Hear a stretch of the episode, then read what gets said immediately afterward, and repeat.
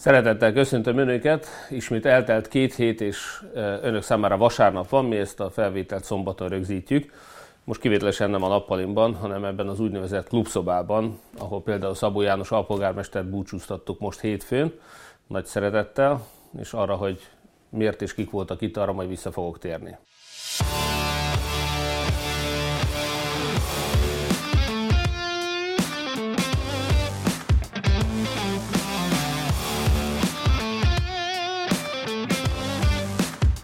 Először is nézzük azt, hogy Hódműző-vásárhelyen most volt egy közgyűlés is, hiszen a Fidesz nagyhangon követelte, hogy számoljunk be a város anyagi helyzetéről. Ezt megtettük. A csütörtöki közgyűlésen részletes tájékoztatót kaptak. Miért is fontos ez a téma? Még mindig nincs magyarázat arra. A Fidesz egyetlen egy épkezű magyarázatot nem tudott adni arra, hogy miért Hódműzővásárhely az egyetlen megyejogú város, amely nem kapott támogatást. Hódműzővásárhely, ahol valóban takarékoskodtunk. Nem tudok még egy várost, ahol nem csak intézményeket zártak be, költöztettek, összespóroltak az energiával, hanem még a személyzeten is, a létszámon is takarékoskodtak, sehol máshol nem hallottam volna, hogy ugyanúgy, mint Hódműzővásárhelyen, meghúzva a nadrágszíjat, mi még létszámot is csökkentettünk. Tehát mi takarékoskodtunk. Mit csináltak közben a kormány? A jegybankelnök meg a miniszterelnök fizetését milliókkal emelte a válság közepén. A miniszterelnökség Lázár János korábbi munkahelye 23-szor annyi pénzt fizetett jutalmakra ki, mint amennyi be volt tervezve a költségvetésükbe. Tehát rajtunk számon kérik, akik takarékoskodunk, hogy miért nem takarékoskodunk jobban, közben a kormány két kézzel szórja a pénzt, és az a Lázár János beszél, aki annak idején úgy adósította el a várost a legjobban az egész országban, hogy közben két kézzel szórta a pénzt haverokhoz, reprezentációra, étteremre, vadászatra, stb.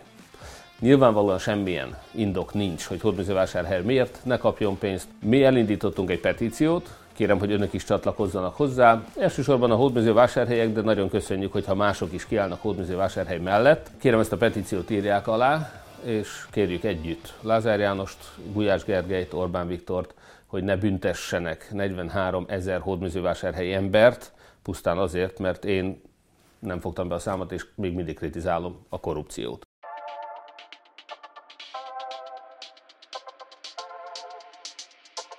Hadd gratuláljak még egyszer Budai Lórend polgármester úrnak, és a közösen Jászberényért csapatnak, minden Jászberényinek, még a fideszeseknek is, akik kevesebb mint 30% arányban ugyan, de a Fideszt választották, alig 1,4% arányban, de a mi hazánkot a Fidesznek a náci tagozatát választották, de 67%-ban szavaztak Budai Lórántra és a folytatásra. Egy olyan folytatásra, ahol immár a belső megosztottság és a fideszes akadályoztatás nem tudja megbénítani a Jászberényi közgyűlésnek a munkáját. Én azt gondolom, hogy ahogy Baján, Pécsen, Egerben, Tatabányán és még Számplavárosban, így Hódműzővásárhelyen is, a korábban 2019-ben többségbe kerülő ellenzék megosztott lett, ott is voltak szakadárok, ott is voltak, akik a többség ellen fordultak. Nálunk is most a 10 volt képviselőnk közül, kettő már nem velünk szavaz.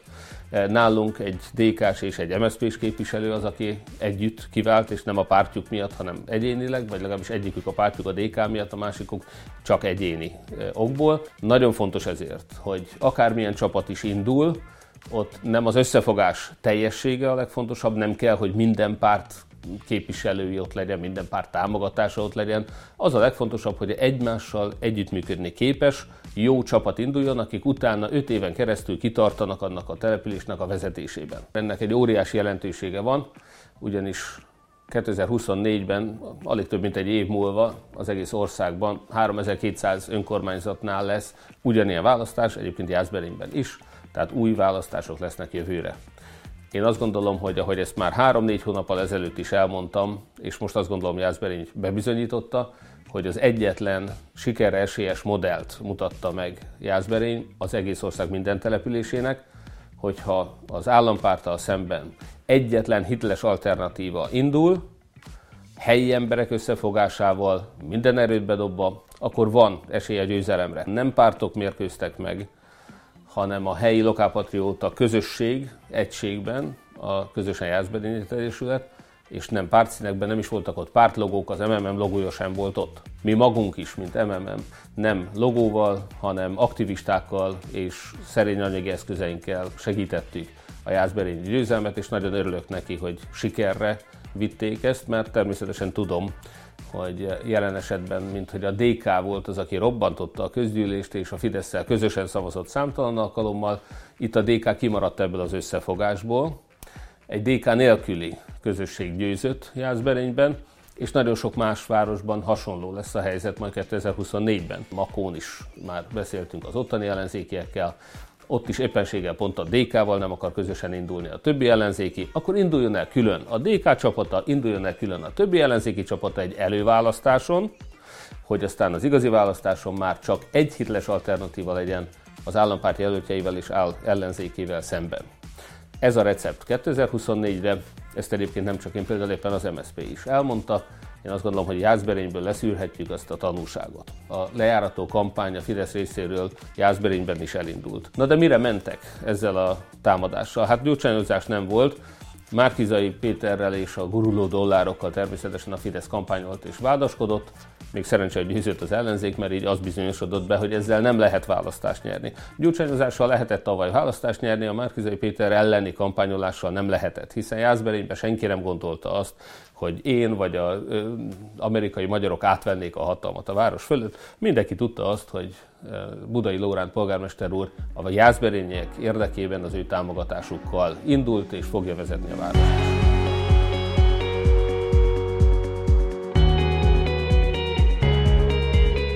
Végezetül egy harmadik témát szerettem volna a mai vasárnapon röviden megtárgyalni. Mi szükség van egy új pártra? Vannak olyan választások, ahol csak pártként lehet indulni.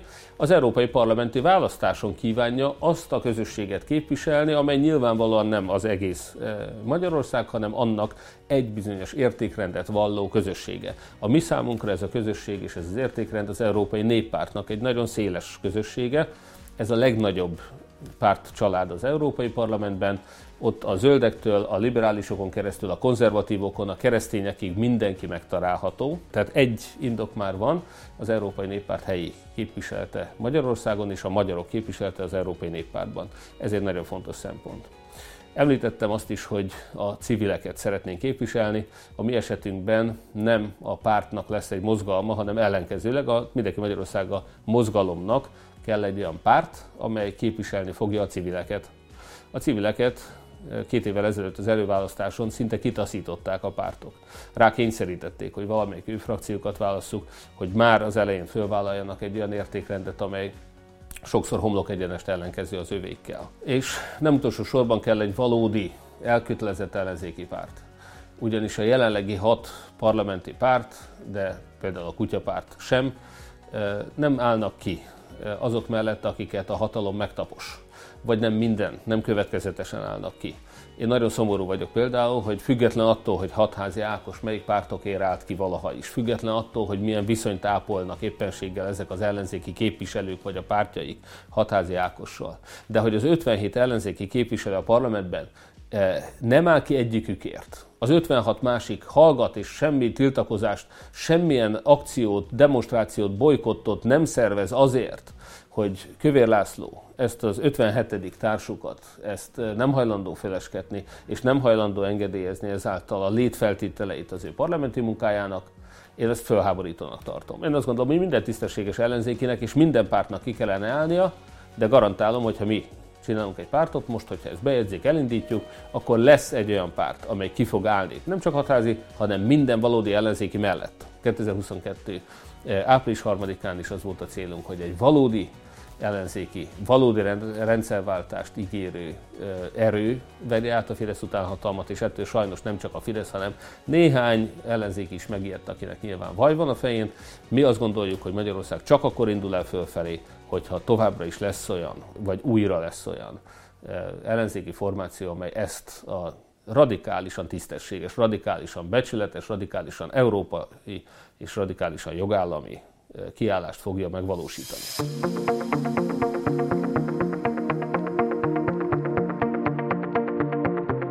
És most még egy témát hadd hozzak fel, akkor, ahol szintén az ellenzéknek ki kell állni, Győr, Szent Ivány, Göd, Debrecen. Ezeken a településeken egé- környezetvédelemre, egészségre rendkívül veszélyes üzemek épülnek most. Orbán Viktor jó üzletet lát abban, hogy Magyarországot a világ egyik legnagyobb akkumulátorgyárává tegye, legnagyobb akkumulátorgyártó országává tegye. Nem tudjuk, hogy a környezetet sikerül-e megvédeni a kockázatoktól, reméljük, hogy sikerül, hiszen olyan cégek ezek, akiknek nemzetközi reputációja is múlik ezen. Tehát valamiért nem Németországban, meg nem Franciaországban építik fel ezeket a gyárakat, hanem egy korrupt diktátornak az országában, ahol a szabályokat, ha megolajozzák a parlament és a kormány működését, akkor ki lehet kerülni. Orbán Viktor számtalanszor bebizonyította, hogy a munkatörvénykönyvét bármikor a multicégek érdekében úgy módosítja, hogy az a cégeknek jó legyen, a magyar munkavállalóknak viszont rossz. Tessék a rabszolgatőre gondolni. És még sorolhatnám azt, hogy Orbán Viktor hol tett már szívességet nagy multicégeknek. Jogos az aggodalom, hogy most, amikor ezek a hatalmas akkumulátorgyárak ide települnek, akkor ez nem Magyarország érdekében van, hanem valószínűleg Orbán és körének az érdekében van. Nincs, aki megvédje a magyarokat a potenciális környezetvédelmi problémáktól, és különösen eh, észszerűtlenek tűnik ennek az iparágnak az erőltetése egy olyan országban, ahol energia hiány van, ahol mi ki vagyunk szolgáltatva többek között Oroszországnak energiaügyben, akkor, amikor már így is az energia szűke miatt az egekben vannak az árak, a lakosságra ennek milyen hatása lesz? Önök mennyire fognak energiát kapni? Hol fogják megtermelni ezt a hatalmas mennyiséget, hogy tudják elvenni a lakosságtól, hogy tudják elvenni a többi iparáktól ezt az energia mennyiséget, és ez hogy fogja felvinni az árakat.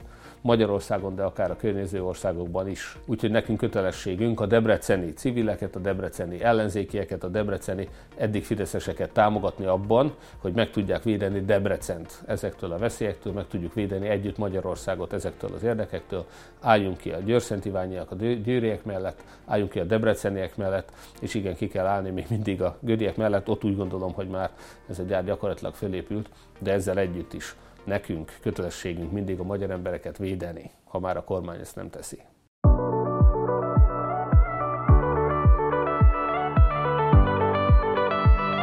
akkor elkezdtünk a kérdésekhez. Nagyon szépen köszönöm, hogy többen nagyon jó kérdéseket küldtek, úgyhogy amennyire tudunk most hirtelen válaszolunk néhány fontos kérdésre. Székely Andrea kérdezi, tisztelt Márkizai úr, ön szerint kellene tenni, és mit az akkumulátorok, eh, akkumulátorgyárak tervezett építése ellen? annak idején sajnos egy e, internetadó volt éppen az, ahol először is egyedül sikerült talán megfutamodást bírni a hatalmat. E, nyilván azt gondolom, hogy ezek olyan nem elvi, hanem gyakorlati kérdések, amiben a magyarok nagy többsége egyetértett, és a hatalom meggondolta magát.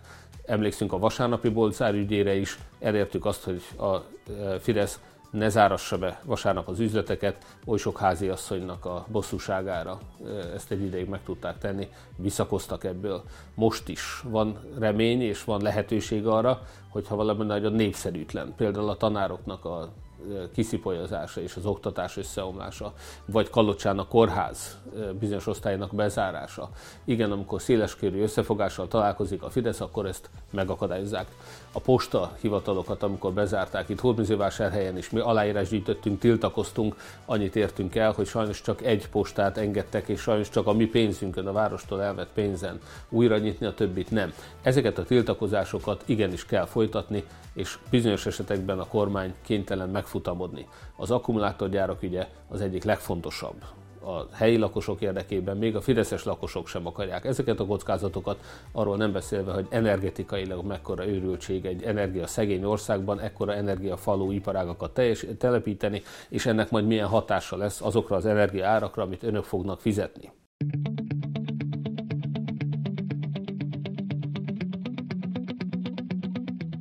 Mohácsi Lajos kérdezi, mi a véleménye arról, hogy Torockai László azt nyilatkozta, hogy a következő választáson a mi hazánk komoly versenytársa lesz a Fidesznek? Hát a mi hazánk nem is létezne, hogyha a Fidesz nem akarná. Arról nem beszélve, hogy csak olyan helyeken indul a mi hazánk, csak olyan versenyben, ahol a Fidesz engedélyezi. Például a Hódműző vásárhelyen, amikor a Fidesz Brezsa Istvánt, mint függetlent, ugye egy fideszes kormánybiztost, fideszes frakciótagot, akinek az egész családja fideszes állásban van, és aki napokkal a választás után hivatalosan is belépett a Fideszbe, azt hazudták, hogy ő független. Nos, amikor őt indították, akkor tudták, hogy ha mi hazánk is elindulna polgármester jelöltel ezen a választáson, az csak megosztaná azokat, akik nem rám szavaznak, ezért ott a mi hazánk nem indult. A Fidesz érdekében nem indult a mi hazánk.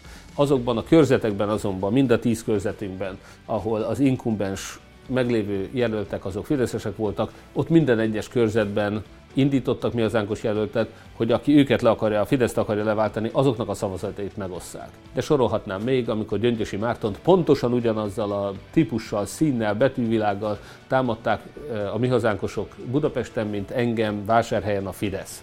Egy kommunikációs csapat dolgozott a mi hazánknak és a Fidesznek. Valójában a Fidesz kommunikációs csapata áll a mi hazánk mögött, tehát senki ne gondolja, hogy a fidesz szembe fog fordulni valaha Torockai, abban a pillanatban lecsuknák, mint a Budaházit.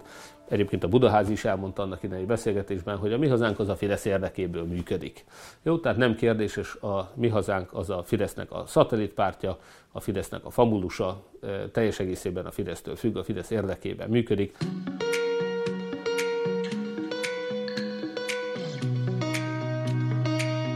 Patrik kérdezi, mit gondol, mi várható 2023-ban a kormány részéről, meg tudja tartani a Fidesz a mostani népszerűségét? Hát én azt gondolom, hogy a Fidesznek nem csak népszerűsége van, hanem népszerűtlensége is. A népszerűségét nehezebben tudja tartani, a népszerűtlenségét növelni fogja, de társadalomkutatók azt is elmondják, hogy sajnos ez a Fidesz népszerűség vesztés, ez nem jelenti az ellenzéki pártok népszerűségének a növekedését. Orbán Viktor pedig kellően ravasz ahhoz, hogy ahogy már a Szabad Európa megírta tavaly, bizonyos adóváltozások vagy rezsi növelés esetén Rogán Antal olyan megkereséseket küldött az ellenzéki pártoknak, hogy ebből ők ne csináljanak népmozgalmat, ne akarjanak népszerűséget nyerni a kormánynak a negatív intézkedésein, és ezek a pártok engedelmesen többnyire meg is tartották ezt, mint ahogy nem álltak ki a hatházi mellett is, és a többi. Mi azt szeretnénk, ha egy olyan ellenzék indulna, egy olyan ellenzéki pártot építenénk, amely valódi ellenzéki, akit nem Rogán Antal dirigál, nem Rogán Antal utasít. Ezért is fontos az, hogy a valódi ellenzékiséget építsük tovább, önkormányzati választáson teljesen evidens módon helyi, nem pártos jelöltekkel tudjuk erősíteni az ellenzéket, egy új párt alapításával pedig igyekszünk a jelenlegi pártok tisztességes politikusait abba az irányba terelni, hogy ők is egy ellenzéki kerekasztalban együttműködve rendszerváltást követeljenek, és azért tegyenek is meg mindent.